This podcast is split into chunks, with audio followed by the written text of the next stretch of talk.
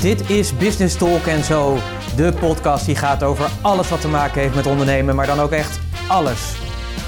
Hier krijg je naast inspiratie en motivatie ook de strategieën en de complete actieplannen die ervoor zorgen dat jij de next level in jouw ondernemerschap bereikt.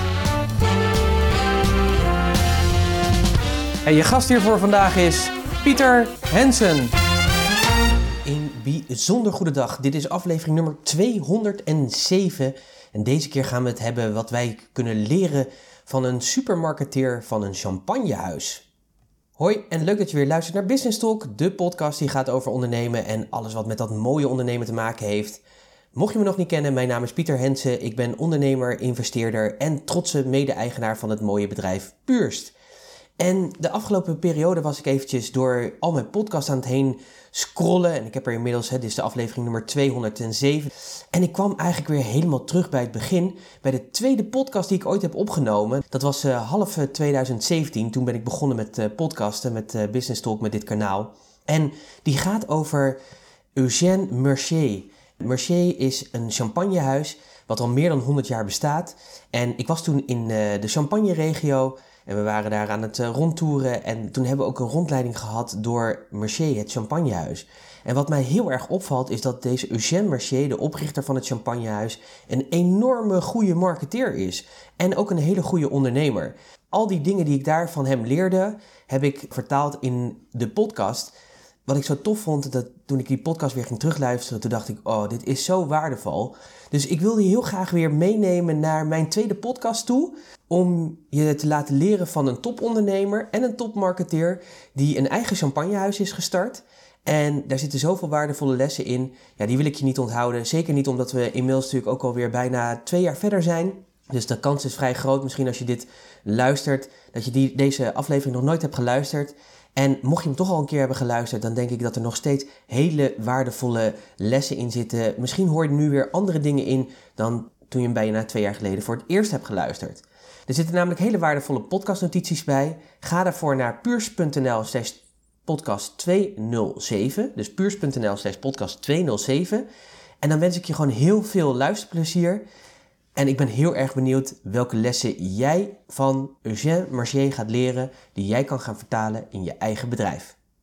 En het mooie is dat we in deze aflevering het ook gaan hebben over champagne. Nou, hoor ik je misschien al denken dat je denkt, ja, maar Pieter, dit is toch een podcast die gaat over business talk en alles wat met ondernemen te maken heeft. En dat klopt ook. Het wordt echt geen gastronomische podcast. Ondanks, ik denk wel dat champagne drinken wel bij uh, misschien je successen vieren hoort. Dus als je een keer een succes hebt, dat je dan een glas champagne drinkt. Maar dat is uh, wat bij je past. Maar wees gerust, het wordt geen gastronomische podcast. Het is een podcast die echt gaat over business talk. En ook deze gaat daarover. We gaan het hebben over champagne. Over een van de ja, bekendste champagnehuizen. En vooral hoe de eigenaar van die champagne, van dat champagnehuis, enorme visionair was. Enorme marketeer was. En hoe belangrijk dat dus ook is om een grote visie te hebben. En gewoon groots te zijn in je uh, marketing. Ja, twee weken geleden eh, reden we vanuit Parijs. Daar waren we een, een, paar dagen in Parijs. En toen dachten we, nou, we gaan terug via de champagne. En dat doen we omdat uh, vooral Annemieke, mijn vrouw, is echt een super wijnliefhebber. En een enorme kenner ook. Uh, ze heeft diverse diploma's en opleidingen op het gebied van wijn. Ik denk dat ze bijna wel finologe is. Misschien is dat ook al wel. Maar het toffe daarvan is dat, dat ik in haar slipstream mee mag. Dus elke keer als ze een lekkere wijn uitkiezen, dan ja, mag ik daarin meeproeven en in meedoen. En nou, ik voel me daar heel erg gezegend door. Ik ben echt een lucky bastard. Nou, het leuke was is dat we naar het plaatsje Epernay zijn geweest. Dat is in de buurt van Reims. En Reims wordt ook wel een beetje de hoofdstad van de champagne genoemd. En we zijn naar Avenue de Champagne geweest. Nou, dat, dat zegt het al, hè, dus de straat van de champagne. En daar zitten eigenlijk alle nou ja, alle champagnehuizen of alle bekende champagnehuizen. En misschien ken je wel Moet en Chandon. Nou, die zit daar onder andere. Er zijn meer bekende en minder bekende. Maar het is gewoon tof dat er aan één straat zitten er gewoon, nou, een, een, tiental van dit soort champagnehuizen. En het leuke was is dat we hebben ons een beetje op georiënteerd. Er zijn hele bijzondere champagnehuizen, wat kleinere champagnehuizen. Maar wij zijn naar een groot champagnehuis geweest. En dat is het huis van Mercier. Ik ben echt heel erg blij dat ik daar geweest ben. Want dat heeft mogelijk gemaakt dat ik deze podcast nu voor je maak. Wat ik leuk vond was dat we daar, we zijn daar naartoe gegaan. Bij veel van die huizen kun je gewoon naartoe. Daar kun je een rondleiding kopen. Dat hebben wij ook gedaan. Dus wat we hebben gedaan is dat we, nou ja, een rondleiding. We hebben wat een film gekregen. We zijn in de kelders van, de, van, van het huis geweest. We hebben de champagne zien liggen. En na afloop natuurlijk mocht je natuurlijk ook proeven. Wat natuurlijk een hele fijne bekomstigheid uh, is. Maar waar ik vooral door werd getroffen was door de oprichter van het uh, champagnehuis. En dat is Eugène Mercier. Want die man was echt wat ik eerder ook al zei, echt een groot visionair en een groot marketeer. En ik wil heel graag in deze podcast vier inzichten met je delen die ik ja, heb opgedaan tijdens die rondleiding die ik daar kreeg en toen ik me ging verdiepen in het champagnehuis. Die ik denk heel erg waardevol zijn voor jou en voor je bedrijf, waar je heel veel van kan leren. Nou, natuurlijk heb ik ook weer bij deze podcast weer notities gemaakt. Dus in die notities vind je de belangrijkste inzichten, die vier inzichten. En daarbij heb ik een paar toffe opdrachten voor je, nou, niet verzonnen, maar toegevoegd. Die je kunnen helpen om weer je bedrijf verder te laten groeien en jezelf te laten groeien in je eigen ondernemerschap. Nou, wil je die notities hebben? Ga dan even naar puurs.nl slash podcast 2 en dan kun je ze daar downloaden en dan heb je ze altijd tot je bezit. Nou, wat ik zei, zeg maar, ik deel heel graag de vier inzichten met je. Het eerste inzicht wat ik uh, kreeg was, wat mij opviel bij Eugène Marché, is dat hij heel erg goed was in zijn eigen realiteit te creëren. De eerste inzicht is, creëer je eigen realiteit. Nou, Eugène Mercier die leefde van 1838 tot 1904 en hij was echt een ondernemer met ambitie. Als jonge man van, van een jaar of twintig had hij een droom om zijn eigen champagnehuis te starten. Nou, is dat op zich misschien niet zo'n rare droom, zou je denken, als je in die champagnestreek zit. Maar je moet wel even bedenken dat Eugène eigenlijk helemaal geen, ja, uh, eigenlijk een nobody was. Hij kwam niet uit een gegoede familie, hij had geen geld, uh, hij bezat geen, uh, of zijn familie bezat geen, geen, geen wijngaarden, ze hadden nog geen champagnehuis, helemaal niks. Dus eigenlijk had hij alles wat hij had, ja, droeg er niet aan bij om een eigen champagnehuis uh, te beginnen. Sterker nog, eigenlijk zou het helemaal niet mogelijk zijn voor iemand van zijn afkomst. Maar wat ik het toffe vond, is dat hij toch die ambitie had hij ging daarmee aan de slag. En wat ik het cool vind, is dat het hem ook is gelukt. Het is hem ook gelukt, zeg maar, om in zijn twintige jaren al een champagnehuis te beginnen. En dat, wat ik net al zei, is best wel bijzonder, omdat het vooral iets is, zeg maar, daar groei je in, daar word je ingeboren toen der tijd nog. En wat ik het coole vond, is dat hij had ook een droom. Een grote droom. En zijn doel was dan ook om een champagnehuis te beginnen, die champagne toegankelijk maakt voor iedereen. En dat was voor die tijd, moet je echt wel even bedenken, hè, we praten uh, half 19e eeuw, was dat echt ongehoord. Want champagne, dat was echt bedoeld voor de rijkste van de rijkste. En champagne werd vooral gedronken bij, ja, vooral formele gelegenheden. Dus wat hij wilde was champagne voor de massa creëren en dat het op elk tijd en moment gedronken kon worden. Nou, dat is, uh, dat is bijzonder. Nou, hoe is Eugène nou eigenlijk aan zijn champagnehuis gekomen? Hij is gewoon een hele slimme jonge man uh, toen. Uh, uh, maar het is gewoon een hele slimme man. En over hem lezen, wat ik daar hoorde, enorme goede communicatievaardigheden had, communicatieskills. Je moet bedenken, maar we zaten dus in het midden van die 19e eeuw. En wat hij deed was best wel bijzonder. Hij richtte een soort ja, laten we zeggen dat het vandaag de dag zou je het een soort coöperatie kunnen noemen. Met vier wijnboeren in de buurt van Epernay, van Reims en Chalon-sur-Marne, als ik het goed uitspreek. En wat ik het leuke vind is dat hij ervoor zorgde met zijn communicatieskills dat die boeren vertrouwen in hem hadden en zeiden van kom, we gaan onze krachten bundelen. En wat ze daarmee deden is dat ze in die coöperatie die krachten ook daadwerkelijk bundelden en dat ze daarmee hun inkoop regelden, waardoor ze natuurlijk doordat ze gezamenlijk gingen inkopen goedkoper en onder betere condities konden inkopen. En wat ze natuurlijk deden is dat ze hun wijnen gezamenlijk gingen verkopen.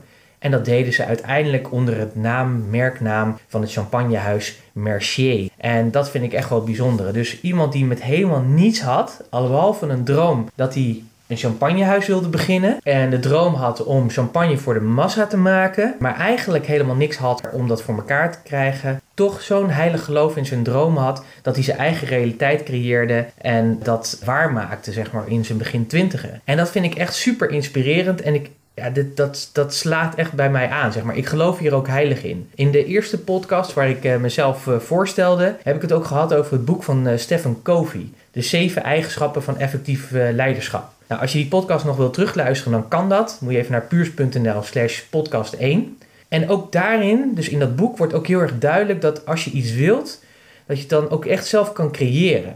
En als je dat ook wilt, dat het dan ook echt gaat lukken. Natuurlijk moet je daar iets voor doen. Hè, dat komt natuurlijk niet vanzelf. Maar als jij echt die stip op die horizon zet en je hebt 100.000% vertrouwen erin, dan gaat het je daadwerkelijk uh, ook lukken om ja, die stip op die horizon te bereiken. En dat vind ik het mooie. En er zijn echt duizenden voorbeelden van. We kennen eigenlijk wel alle bekende ondernemers die we kennen, of ze nou dichtbij staan of ver weg. Wat die dagelijks doen is gewoon een, een eigen realiteit creëren. En dat kun jij dus ook doen. En ik ben zelfs van mening dat het je plicht is om dat ook te doen. Omdat je in principe hier op aarde één leven hebt gekregen Eén leven krijgt, zover we weten. Dus kies er dus ook voor om het leven te leven wat jij wilt leven. En ik zie nog heel veel mensen die eigenlijk iemand anders leven leven. Het leven ja, wat hun ouders graag willen voor zich zien. Of het leven wat je moet leven omdat je sociale omgeving en je sociale context daarom vraagt. Ja, ik vind het zo zonde om dan mensen te zien die eigenlijk gevangen zitten in een soort kokon. Die niet voor zichzelf durven te kiezen. Die niet durven te luisteren naar die innerlijke stem die hen eigenlijk verscheurt. En ik denk dat daarom ook best wel veel mensen in een soort burn-out raken, omdat ze in een spanningsveld zitten tussen wat ze eigenlijk willen en wie ze zijn, ten opzichte van wat ze nu doen. Dus ik ben heel erg van overtuigd dat je moet durven kiezen om voor je eigen pad te gaan. Is dat spannend? Is dat eng? Ja, absoluut. Absoluut is dat spannend. Want dat betekent dat je misschien keuzes moet gaan maken die uit je comfortzone komen. betekent dat je stappen moet zetten die in je omgeving niet gewaardeerd zullen worden. Maar het zijn wel stappen die je zet die ervoor zorgen dat je vrijheid krijgt. Maar dat betekent wel dat je echt eerst innerlijk moet gaan kiezen voor, uh, ja, voor die stappen, zeg maar. Voor, voor het leven wat jij wil leven. En wat ik zei, zeg maar, in principe heb je één leven hier zo. Tijd is gewoon je kostbaarste bezit. Dus ik zou je echt van harte willen aanraden als dit over jou gaat, als je je voelt aangesproken, om die stap te durven zetten. Om echt na te denken over wie ben ik, waar wil ik naartoe en hoe ziet mijn leven eruit. En, en dat je durft te kiezen voor dat leven. En bedenk, je bent echt niet de enige. Er zijn echt heel veel ondernemers die ervoor gekozen hebben om het roer om te gooien, omdat ze van binnen wisten uh, dat ze het gewoon moesten doen. Dat dit niet het leven was wat voor hun bestemd was. Ik zelf heb ook een aantal keer het roer omgegooid, dus ik weet echt wat het is. Omdat ik ook merkte dat, dat wat ik deed, dat dat niet was wie, wie ik was. Een, een voorbeeld daarvan is dat bijvoorbeeld dat ik in half, ongeveer half 2013 echt letterlijk heb besloten, zo rond augustus volgens mij was het toen. Ik kan me nog goed herinneren en nu ben ik er klaar mee. Ik stop met de wereld waarin ik zit. Ik was toen zelfstandig ondernemer. We hadden het bedrijf Puurstal. We deden toen nog consultancywerk, met name in de zorg. En die wereld waar ik in zat, ja, daar werd ik daar ben ik ingerold. Maar daar was mijn netwerk van nature en zo rol je ergens in. Maar dat was niet de wereld die, waar ik gelukkig van werd, omdat daar ja, met name mensen zaten die niet vooruit wilden. Terwijl ik heel veel kansen en mogelijkheden voor die wereld zag. Maar dan ben je op een gegeven moment een soort Don Quixote. En dan kom je niet verder. En dan raak je in een knel. Want dan kom je in een dilemma, zeg maar. Terwijl jij verder wil en je klant wil niet verder. Uh, maar je gaat toch maar mee. Ik heb op een gegeven moment besloten, oké, nu is het genoeg. Vanaf, ik ga het afbouwen. Vanaf januari 2014 stop ik met deze wereld. En dat betekende voor mij echt dat ik van 90% van mijn toenmalige uh, opdrachtgevers afscheid heb genomen. En ik moet je zeggen, dat was echt geen makkelijke stap. Want in 2013 verdiende ik ruim 200.000 euro met gewoon consultancywerk. Met gemiddeld zo'n 3,5 dag werken. Dus je kunt je voorstellen dat dat een enorme gouden kooi voor me was. Die ik toch ging opgeven. En dat was echt een stap terug. Want in 2014 ben ik helemaal overnieuw begonnen. Ben ik met de ondernemersacademie begonnen. Afscheid genomen van het oude. En dat is echt andere koek, want dat betekent dat je ja, het netwerk wat je hebt opgebouwd in die jaren daarvoor, in die 15 jaar daarvoor, was gewoon echt helemaal, ja, was gewoon nutteloos geworden. Ik moest echt weer bij nul beginnen. En dat betekende ook dat ik van die 200.000 euro omzet terugging naar 40.000 euro in 2014. Nou, je kunt je voorstellen dat dat A, heel hard werken is en B, dat het natuurlijk echt om drastische maatregelen vraagt. Want ja, je bent natuurlijk gewend aan een levensstijl, dat heb je opgebouwd. Maar die paste niet meer, omdat mijn realiteit anders werd. En, en dat is lastig, maar ik wist wel dat ik het moest doen. Want ik, ik werd niet gelukkig van die wereld. En ik weet gewoon dat dit niet bij mij paste. Sterker nog, ik weet dat ik geboren ben voor grootsheid. En ik geloof dat jij als ondernemer ook geboren bent voor grootsheid. Dus voor mij was het de reden om uit die gouden kooi te stappen. En te zorgen dat ik ging kiezen voor de dingen die me echt gelukkig maakten. En waarvan ik wist, ja, hier ga ik echt wat in doen. Dus dat betekende voor mij in, in ieder geval ja, de dappere keuze om deze de, deze keuze te maken. En ik moet je zeggen dat het ook echt lucht gaf toen ik die, toen ik die keuze had gemaakt. Maar ja, je moet natuurlijk wel bedenken dat je daar ja, dat dat niet over één nacht ijs gaat. Want je hebt natuurlijk ook een omgeving waar je mee te maken hebt. Je kunt je voorstellen dat als je voor de buitenwereld heel succesvol bent en een goed lopend bedrijf hebt, dat je in je eentje al zo'n omzet realiseert, dat mensen natuurlijk echt wel een beetje raar naar je zitten kijken van, hé, hey, zou je dat nou wel doen? Maar ja, ik voelde heel erg dat ik een soort gouden kooi had gecreëerd waarbinnen ik niet gelukkig was. Waar ik echt uit wilde breken. Ik ben wel heel erg blij dat ik in mijn directe omgeving echt mensen heb die van me houden en die me gesteund hebben. En ik wist voor mezelf dat ik het ook echt moest doen. En dat kwam ook omdat ik toen ik die keuze had gemaakt en toen ik nog met de opdrachtgevers natuurlijk moest doorwerken, wat natuurlijk prima was, merkte ik ook hoeveel energie me de afgelopen jaren had gekost. En dat kwam er allemaal naar, naar buiten. En dat betekende voor mij maar dat ik ongeveer drie dagen, drieënhalve dag in de week bezig was met mijn opdrachtgevers. Om die nog goed te bedienen. Maar dat ik echt die andere drieënhalve dag nodig had om op te laden. Daar kon ik echt heel weinig in doen uh, qua werk. Ik had echt nodig om te herstellen. Ik, rustte heel veel, ik sliep heel veel. Nou, dat is natuurlijk gekkenhuis. Dus ik, ik, ging, ik streefde echt op een randje burn-out, zullen maar zeggen. Ik heb echt living on the edge. Uh, ik hou daarvan, maar niet ten koste van je gezondheid. Maar dat kwam ook alleen maar omdat ja, mijn lichaam hele duidelijke signalen al eerder had afgegeven die ik heb genegeerd. Dat mijn innerlijke stem al lang aangaf dat dit absoluut niet de weg was. Maar dat ik toch ben doorgegaan voor die, uh, voor, ja, voor die gouden kooi. En ik ben heel erg blij dat ik toch die stap heb durven zetten. Dat ik de durf had. En dat die omgeving, dat ik toch in mijn inner circle die omgeving had die mij supporten. Maar ik moest het natuurlijk wel zelf doen. Ik moest natuurlijk wel zelf de moed en de durf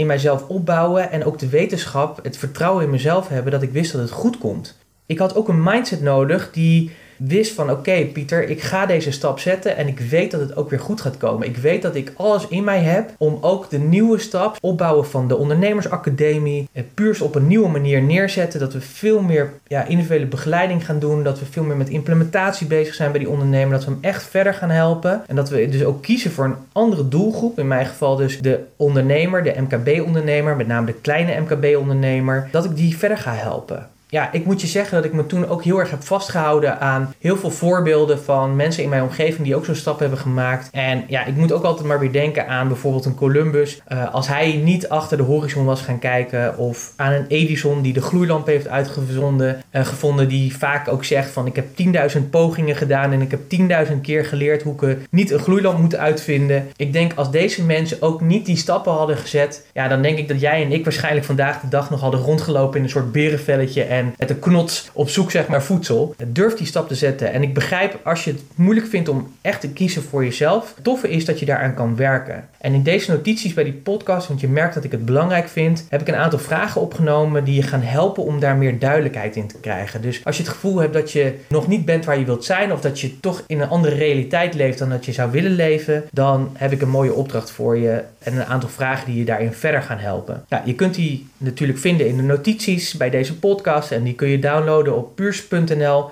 slash podcast 2.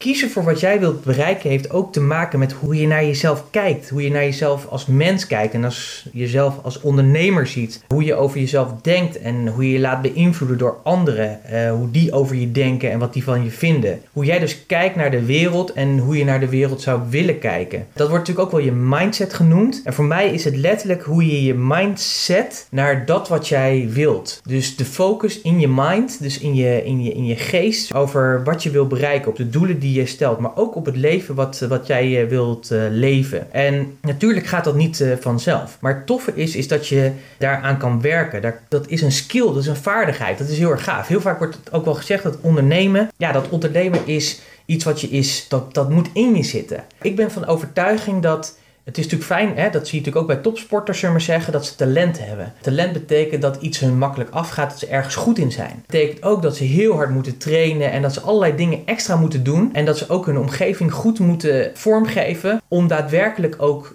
te komen. Uh, mooi voorbeeld vind ik uh, Jos Verstappen. Enorm veel talent, Formule 1 coureur. Maar met talent is niet voldoende. Hij heeft een team om zich heen nodig. Hij heeft een zaakwaarnemer nodig. Hij heeft allemaal mensen nodig die ervoor zorgen dat hij op het juiste moment, op de juiste plek, in de juiste auto zit. Want al kan hij nog zo'n goede coureur zijn, maar als hij in een achterhoede team zit, dan zal hij nooit die wereldkampioen worden. Ondanks dat hij dat talent heeft. Dus dat vind ik ook het mooie van ondernemen. Je kunt eraan werken. Je kunt dus aan je mindset werken. En dat, ja, ik, ik ben van mening dat je dat nou, waarschijnlijk tot aan je dood blijft uh, doen. Want ik merk ook in de verdere groei van mijn bedrijf en als ik verder groei als ondernemer, dat ik ook weer op elk niveau waar ik, waar ik weer kom, hè, als ik weer een stapje verder kom in mijn ondernemerschap, dan merk ik ook dat ook daar weer uitdagingen liggen op het gebied van mijn mindset. Omdat je dan weer in een nieuwe realiteit komt en dan word je weer geconfronteerd met eigenschappen van je die je eigenlijk al kent, maar die op een andere manier zich tonen. En het toffe is, is dat je daar dus aan kan werken. Je kan die eigenschappen dusdanig vormgeven door je mindset anders te zetten. En ja, ik doe dat heel veel door trainingen te volgen, door mentors te zoeken die mij weer verder kunnen helpen, die me scherp houden. Dus wat je merkt is dat ik dat niet alleen doe. Ik zorg ervoor dat ik altijd mensen om me heen heb die me daarop wijzen, die me daarin verder helpen. Ervoor zorgen dat ik gescherpt blijf. In podcast nummer 1 heb ik het over, waar ik mezelf voorstel, heb ik het over masterminden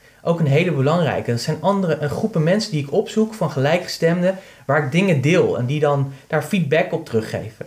En dat mentorschap. Dus doe het niet alleen omdat het zo belangrijk is om aan die mindset te werken, omdat dat niet vanzelf gaat, hebben we bij de Puurst Ondernemersacademie een masterclass die heet Master Your Mindset. En die gaan we op 29 september 2017 geven. En dat is een super waardevolle masterclass, een dag waarin je gaat werken aan die mindset. En het toffe is, is dat je daar dus dan hulp bij krijgt. Je bent dus niet alleen. In die dag gaan we werken aan die mindset, gaan we kijken van waar wil je naartoe? Wat is het leven wat jij wil leven? Wat is de doelen die jij wil bereiken met je bedrijf? En wat houdt je tegen om daar te komen? Wat zijn de overtuigingen die je nu tegenhouden? Wat zijn de kleine stemmetjes in je hoofd die, zorgen, die ervoor zorgen dat jij niet die stap voorwaarts maakt? Die dag die wordt echt super gaaf. Er hebben zich nu al meer dan 40 mensen voor aangemeld. Uh, maar er is nog voldoende plek voor, ook voor jou als ondernemer. Dus heb jij het idee van, hé, hey, ik wil graag die volgende stap in mijn bedrijf maken. Ik wil verder komen. Uh, maar ik merk ook wel, als je heel eerlijk bent en, en kijk maar eens eerlijk naar jezelf, dat je soms dingen hebt die je tegenhouden. Vaak gedachten die je tegenhouden. Stemmetjes in je hoofd, wat ik net al zei. Nou, als jij dat hebt, en dat heb je echt, dat heeft ieder mens namelijk, dan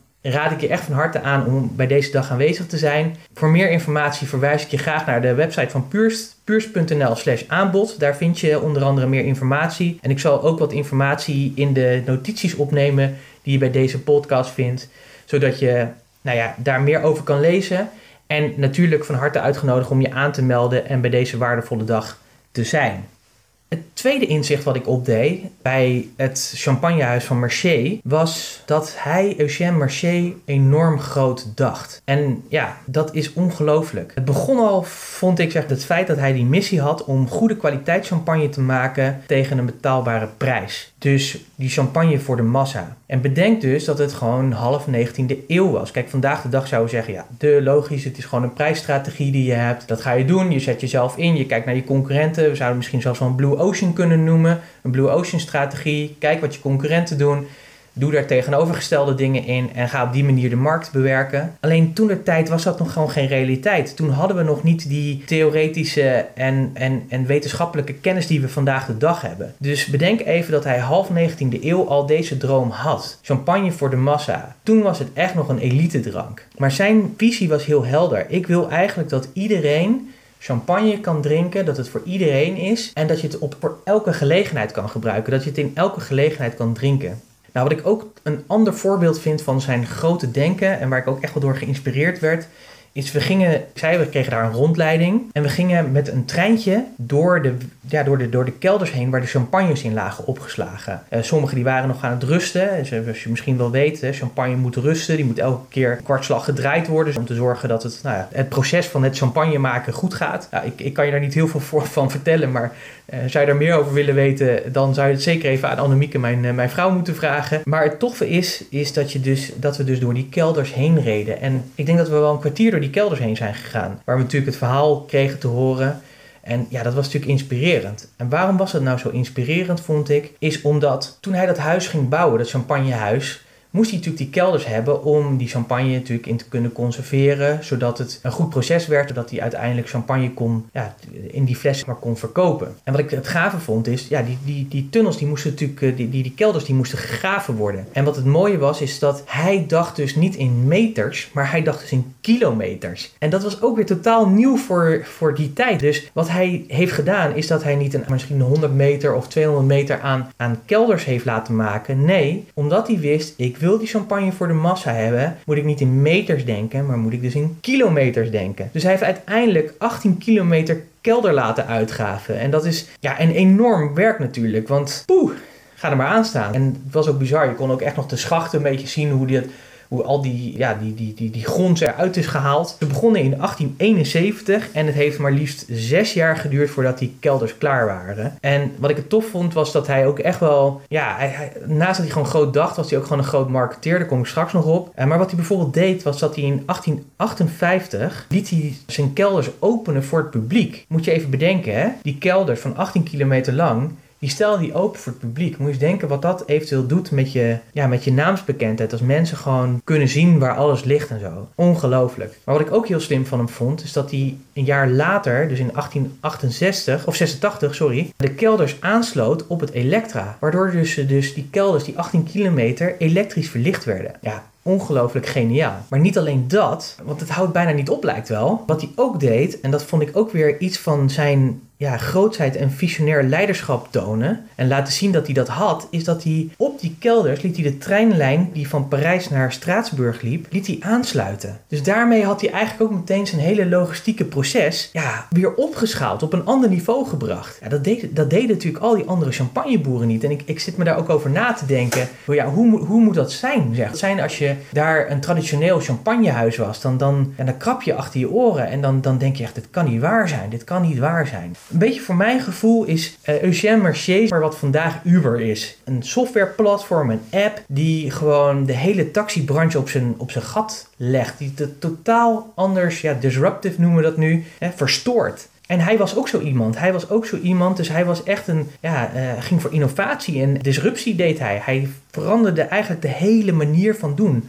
En ik heb ook begrepen dat hij hele moderne technieken gebruikte om zijn champagne te vervaardigen. Dat was toen ook al best wel vrij uniek voor wat hij, uh, wat hij deed. En ik, ja, ik heb daar gewoon respect voor. Ik heb respect voor, voor ondernemers die zo'n grote visie hebben, daar heilig in geloven. En dat was Eugène Marché ook. Hij geloofde echt heilig in die visie dat hij die champagne voor de massa had. En dat iedereen daar gebruik van kon maken. En dat je dat altijd kon drinken op wat voor moment dan ook. En niets hield hem daar dus ook in tegen. Dus wat ook belangrijk is, wat ik merk en wat ik ook zag en wat ik ook vind, is dat zijn visie hielp hem dus verder in alles wat hij dagelijks deed. En wat ik tof vind, een van zijn uitspraken die hij heeft gedaan, is dat hij zei: Je zult zien. De dag zal komen dat ik miljoenen flessen zal verschepen. Ja, en vandaag de dag is dat zo, want het is gewoon een wereldmerk. Al zijn flessen waar je wereld komt, kun je Mercedes champagne krijgen. Ik vind dat ongelooflijk. En mijn inzicht is dus dat je dus ook een grote inspirerende visie, dat die dus zo belangrijk is. Want ja, je weet zelf ook wel, ondernemen gaat niet alleen maar over roze geur en maneschijn. Er zijn dagen dat het minder goed gaat. Er zijn dagen dat het donker is. Dat het niet is zoals je bedacht had dat het gaat. Dat je resultaten dus tegenvallen, dat dingen dwars zitten. Maar dan juist is het zo belangrijk om die grote visie te hebben. Ik geloof ook heel erg dat je je seizoenen in je ondernemerschap hebt. Dus het is niet altijd uh, herfst waar je kunt oogsten. Je zult ook moeten zaaien. En af en toe heb je je winter dat, dat je ja, moet verzamelen. Dat je even wat meer naar binnen gekeerd moet zijn. Maar daarom is het wel belangrijk om echt een grote visie te hebben. Als je die grote visie hebt, dan weet je ook waarvoor je dagelijks bed uitkomt. Dus ook als het even tegen zit, dan brengt die visie je verder.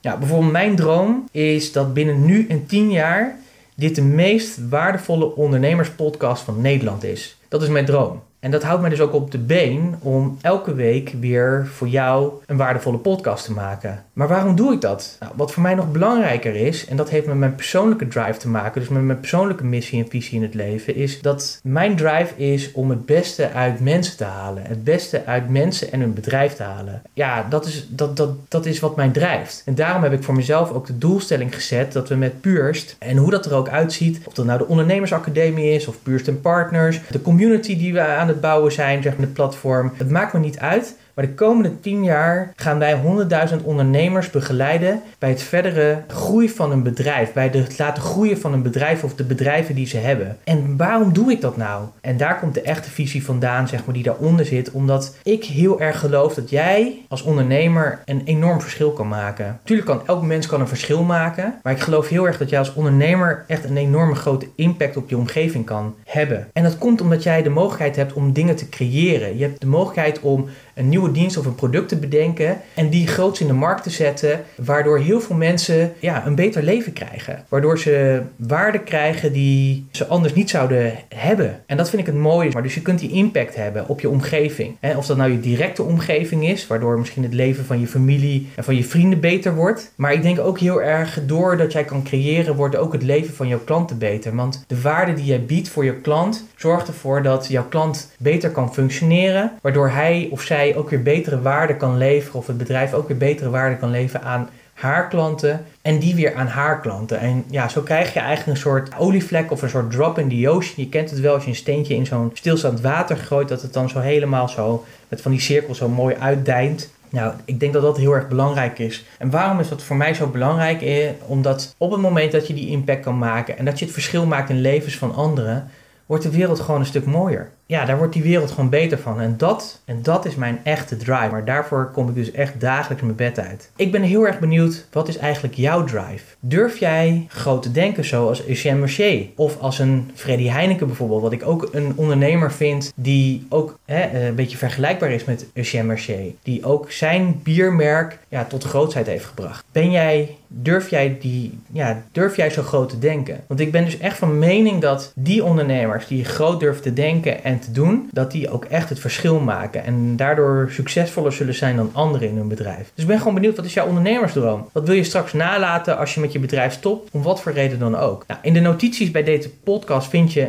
een opdracht waarin je nog verder ja, die grote droom kan aanscherpen. Want misschien heb je hem al, maar mijn ervaring is, is dat die vaak op een onderbewust niveau nog dieper zit. En die kun je naar boven halen. Dat doe ik ook veel met mijn klanten. Ik zou je adviseren om deze opdracht, als je daarmee aan de slag gaat, als je denkt van hé, hey, dit is iets voor mij, om dat dan samen met iemand te doen. Omdat je kunt zelf heel ver komen, maar mijn ervaring is, en dat is ook wat ik veel met mijn klanten doe, hun begeleid in dat proces. Maar om op dat onderbewuste, diepere niveau te komen, is dat je ze daarmee nog verder kan helpen. En dat je echt tot de kern komt waar je drijfveren liggen. Dus ik ben heel erg benieuwd als je die opdracht hebt gedaan, wat jouw drijfveren zijn. Waarom kom je dagelijks ja, uit je bed? Wil je daar verder mee aan de slag? Maak dan gebruik van de opdracht die staat in de notities bij deze podcast.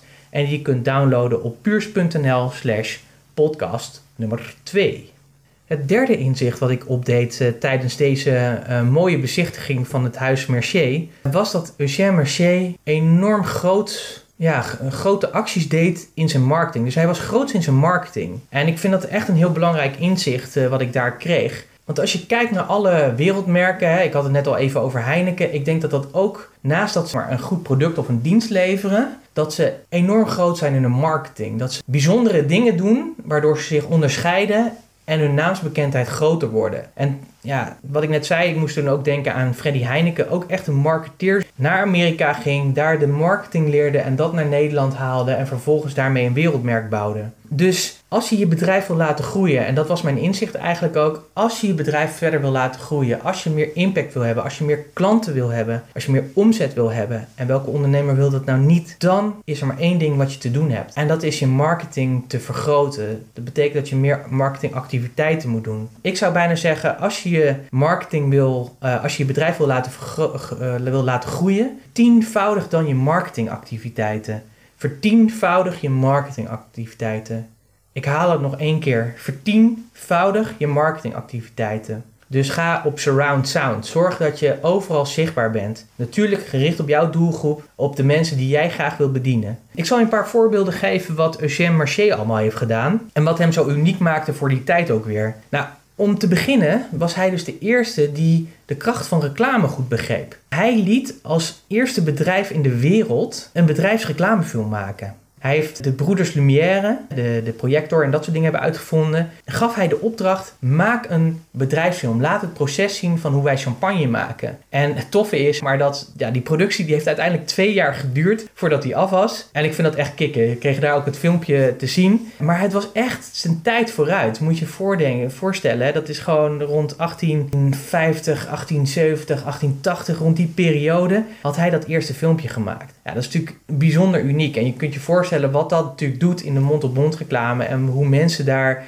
een wauw-ervaring van hebben gehad. Dat ze dat in bewegende beelden konden zien. Wat natuurlijk vrij uniek was voor die, voor die tijd. Dus wat ik het toffe vind is dat hij dus eigenlijk al op een hele andere manier dacht. Hij was echt zijn tijd jaren vooruit. Hij, hij dacht bij wijze van spreken in een andere dimensie. Ik zal in, een, in, in de notities van deze podcast zal ik natuurlijk een linkje opnemen, want ik heb het reclamefilmpje ook op YouTube gevonden. En dan kun je dat terugzien. Het is hilarisch om te zien. Maar bedenk even zeg, dat die opdracht gaf aan de broeders Lumière voor die tijd toen dat nog helemaal niet normaal was. Sterker nog, hij was de eerste die dit deed. Hoe visionair je dan moet zijn en wat voor een enorme grote marketingactie dit uh, is. Een ander voorbeeld wat naar voren kwam is, naast dat hij die kelders dus openstelde voor het publiek in 1885, deed hij eigenlijk nog iets bijzonders.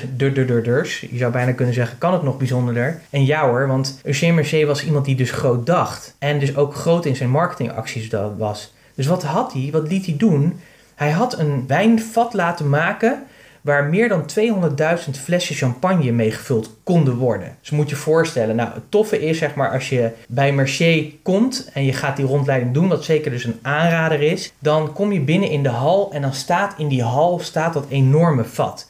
En dat is echt een enorm vat. Nou, wat ik, wat ik zal doen, ik zal bij de notities bij deze podcast, zal ik de foto of foto's, ik zal even kijken zeg, die ik daar gemaakt heb van dat wijnvat, zal ik uh, toevoegen, zodat je die kan zien. Dan heb je een beetje een beeld van wat voor enorm wijnvat dat was. En die notities die vind je natuurlijk op puurs.nl slash podcast 2. Wat het toffe was, hij bedacht op een gegeven moment, ik heb dat wijnvat. Zijn missie was natuurlijk, ik wil champagne toegankelijk maken voor de massa. Goede kwaliteit champagne voor de massa, wat we overal kunnen drinken. Maar daarvoor moet ik wel mijn naamsbekendheid vergroten. Dus wat hij deed, was dat in 1889 was de wereldtentoonstelling in Parijs daar kunnen we vandaag de dag nog steeds van genieten. Want er zijn hele mooie ja, gebouwen en dingen in Parijs te vinden. Waaronder de bekende Eiffeltoren, die uiteindelijk de winnaar was tijdens de wereldtentoonstelling. Maar wat hij deed, was dat wijnvat tentoonstellen op die wereldtentoonstelling in Parijs. Hij heeft daar uiteindelijk de tweede prijs mee gewonnen. Dus de Eiffeltoren was eerste en hij dus de tweede prijs. Maar moet je even indenken, zo'n enorm wijnvat, wat dat voor impact heeft. Nou denk je natuurlijk, ja, oké, die zetten we daar even neer, klaar. Maar nogmaals, blijf, blijf vasthouden dat het 1889 was. Dus het was een enorme expeditie. Het wijnvat wat hij toen heeft laten maken, dat bestond uit 35 bomen. En werden gewoon in zijn kelder werd dat wijnvat helemaal opgebouwd. Dus dat wijnvat was bij wijze van spreken in zijn kelders gebouwd. Dus dat betekende dat hij dat wijnvat uit zijn kelders moest halen. Dus daarvoor moest hij zijn kelders grotendeels weer aanpassen. Er waren in totaal zo'n 24 ossen en 18 paarden voor nodig. Dus niet één grote oplegger, zeg maar, die we vandaag de dag kennen maar 24 ossen en 18 paarden om die reis af te leggen van Epernay naar Parijs. En je moet bedenken dat dat gevaarte, ja, dat weegt gewoon 20 ton. Nou, als je ervoor staat kun je er alles bij voorstellen. Dan krijg je echt een beeld dat je denkt van, wow, hoe is het in hemelsnaam gelukt dat dat daar naartoe is gegaan en dat het ook nog weer veilig terug is gekomen en dat het hier nu staat. Het is een, een, een, hele expeditie geweest. Je moet echt bedenken dat ja, wegen waren er niet toegankelijk voor. Er waren, ja, er waren natuurlijk bruggen onderweg, die moesten afgebroken worden zodat het vat er doorheen kon. Maar in Parijs, en dat laat ook iets zien maar, van zijn doorzettingsvermogen, betekende gewoon dat als hij het op die wereldtentoonstelling wilde krijgen, dat hij ook een aantal huizen moest opkopen, omdat daar een gedeelte van moest worden afgebroken,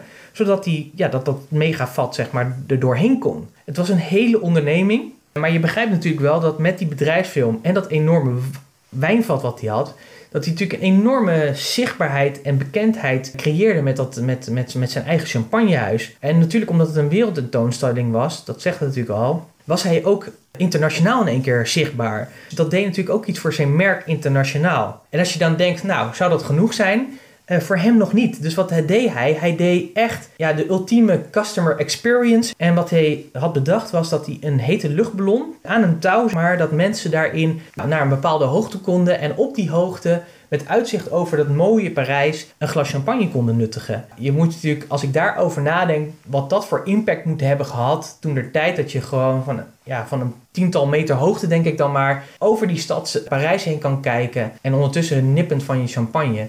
En dat dat voor ja, elke deelnemer op die, op die tentoonstelling ja, mogelijk was om dat mee te maken. Nou, dat, dat doet natuurlijk iets met, met het mond-op-mond reclame. Dat ging natuurlijk als een lopend vuurtje. En daarmee heeft hij denk ik echt wel zijn merk ja, bestendigd als wereldmerk. En dus zijn, zijn, champagnehuis enorm op de kaart gezet. Wat al duidelijk werd, hij leefde tot 1904. Dus hij is op een gegeven moment natuurlijk overleden. Maar wat ik het bijzondere vind is dat het huis Mercedes in zijn geest dat wel is blijven volhouden. Die grote marketingacties. Wat ik ook een hele grappige vond is bijvoorbeeld dat ze in 1950 hebben ze een rallyrace gehouden in die 18 kilometer lange gangen van, ja, van, van die kelder van Marché. En je moet natuurlijk bedenken, die staan gewoon natuurlijk vol met champagneflessen. En ja, wat ook duidelijk werd, is dat dat was natuurlijk niet een leuke optocht, maar dat was echt een rally. Dus dat betekende ook dat die coureurs probeerden natuurlijk om als eerste over de streep te komen. En het wonderbaarlijke is dat tijdens die rally er geen enkele fles is kapot gegaan. Nou, dat is natuurlijk, natuurlijk echt wauw. Echt wauw. Dus wat het inzicht hier is, is dus wees eens groot in je marketing. Wees dus ook creatief in je marketing. Bedenk dus ook op hoeveel manieren kan ik nog meer waarde leveren aan mijn klant. Een mentor mij die heeft dit ook echt geleerd aan mij. Die zei ook van zorg ervoor dat je die creativiteit die je hebt als ondernemer, dat je die stopt in je marketing. Want we zijn juist heel erg geneigd om die creativiteit in ons ondernemerschap te stoppen. Dan zou je zeggen, ja, Pieter, wat, wat bedoel je daar nou mee? Want als ondernemer moet je toch creëren. Ja, dat klopt. Hè. Je creëert natuurlijk waarde voor je klanten met je producten en diensten die je doet. Maar als je heel eerlijk bent, en ook als ik naar mezelf kijk, heb ik die fouten regelmatig gemaakt en ben ik soms nog geneigd om hem nog steeds te maken. Is natuurlijk als je een product of dienst in de markt hebt gezet en je hebt daar keihard voor gewerkt en je hebt het gecreëerd en je hebt het verkocht en het loopt eenmaal en je hebt het kunstje gedaan, zeg, dat je dan heel vaak het gevoel hebt van oké, okay, been there, done that. What's next? Dus eh, dan is natuurlijk vaak de verleiding heel groot om weer iets nieuws te verzinnen. En ik weet niet hoe het bij jullie gaat, maar dat zul je ongetwijfeld herkennen. Is dat je waarschijnlijk honderden ideeën hebt hoe je dingen moet doen. Je komt tot een nieuwe inzicht en je denkt: oh, oh, gaaf, dit kan ik ook gaan doen en dat kan ik gaan doen. En vaak het nadeel daarvan is, is dat we dan ja, dat meteen gaan oppakken. Ik noem dat ook het kraaien-effect. Als kraaien ergens iets zien blinken, dan vliegen ze erop af en dan gaan ze ervoor. Maar als ze dan weer ergens anders wat zien blinken, dan gaan ze daar ook weer voor. Dus dat is een van de grote fouten die wij vaak als ondernemer maken. Dat is als onze producten of diensten die goed lopen en goed verkopen, dat we daar niet meer van gaan doen, maar dat we daar juist al mee stoppen omdat we nieuwe dingen willen doen, omdat we zelf uitgedaagd willen worden. Ik zou zeggen, never change a winning team. Dus doe dat niet. Het is een soort doodzonde, zeker als het product goed loopt. Ga er dan juist meer van doen. Maar wat je wel kan doen, is gewoon je creativiteit loslaten op je marketing. Dus wat kan jij vandaag doen hoe kun jij je creativiteit maar loslaten op je marketing, zodat je bedrijf en de waarde die je levert met je bedrijf nog meer onder de aandacht komt bij klanten en nieuwe potentiële klanten? Ik denk dat het goed is om daar zo over na te denken. Misschien zijn er al dingen bij je opgekomen tijdens het luisteren. Dan zou ik zeggen, noteer die ergens of spreek even een WhatsAppje in of wat dan ook, zodat het ook blijft hangen, zodat je er later mee aan de slag kan. En ik zal deze vraag natuurlijk ook opnemen in de notities bij deze podcast. Denk er even over na, neem even de tijd op en tijd voor. Schrijf gewoon die belangrijke inzichten die je daarin hebt. Schrijf die op en ga daarmee aan de slag. Nou, die notities kun je natuurlijk vinden bij puurs.nl slash podcast 2. Als je dat hebt gedaan, als je maar die enorme grote marketingacties en soms kan groot, kan natuurlijk ook meteen denken dat je denkt van oeh, ja, moet het allemaal groot zijn? Het hoeft soms niet groot te zijn als er maar meer actie in komt. En dat is eigenlijk ook het laatste inzicht wat ik met je wil delen, dat is inzicht nummer 4. Wat mij heel erg opviel daar zo, en wat belangrijk is, is als ondernemer, is neem actie. Als je kijkt naar Eugène Mercier, hij had die droom, hij is die visionair, maar hij deed niet alleen die grote marketingacties bedenken, maar hij liet ze ook daadwerkelijk uitvoeren. Ze werden uitgevoerd en dat leidde tot resultaat. Dat leidde dat hij dat wereldmerk heeft gesticht en dat dat huis op de kaart stond wereldwijd. Dat is ook aan jou. Denk eens na over de acties die je bij het vorige punt hebt bedacht. Dus welke marketingacties kan je bedenken? Wat kan je vandaag doen om te zorgen dat morgen de waarde die jij levert en de naamsbekend van je bedrijf vergroot is bij je klant of bij nieuwe klanten? Bij mogelijk je, ja, je doelgroep. Je doelgroep is natuurlijk groter dan het klantenbestand wat je hebt. Dus mijn vraag aan jou is: wat is de volgende actie die je kan doen? Want het is heel erg simpel. Je kunt een enorme mooie droom hebben. Je kunt je eigen realiteit willen creëren. Je kunt enorme marketingacties bedenken. Maar als je niet tot actie komt, gaat het gewoon niet gebeuren. Als je niet die stap zet, gaat het gewoon gebeuren. Dus bedenk voor jezelf eens welke eerste actie kun jij vandaag zetten om morgen een stap dichter bij je droom te zijn. Wat kun jij dan doen? Nou, ook deze vraag zal ik natuurlijk opnemen in de notities bij deze podcast. En neem ook even de tijd om die vraag te beantwoorden. Dat is sowieso een belangrijk inzicht wat ik je mee wil geven. Wat mij ook heel veel oplevert is, doe even aan ja, thinking time, nadenktijd. Neem daar ook even de ruimte voor. Ik doe het bijvoorbeeld elke ochtend. Elke ochtend, ja, je kunt het mediteren noemen of wat dan ook. Maar vaak doe is dat ik even ga zitten vaak met een kopje koffie, even helemaal afgezonderd van Jan en Alleman. Geen geluid op of heel soms even een lekker relaxe Spotify luisteren die ik dan op een koptelefoon opzet. En ik stel mijzelf een vraag en ga daarover nadenken.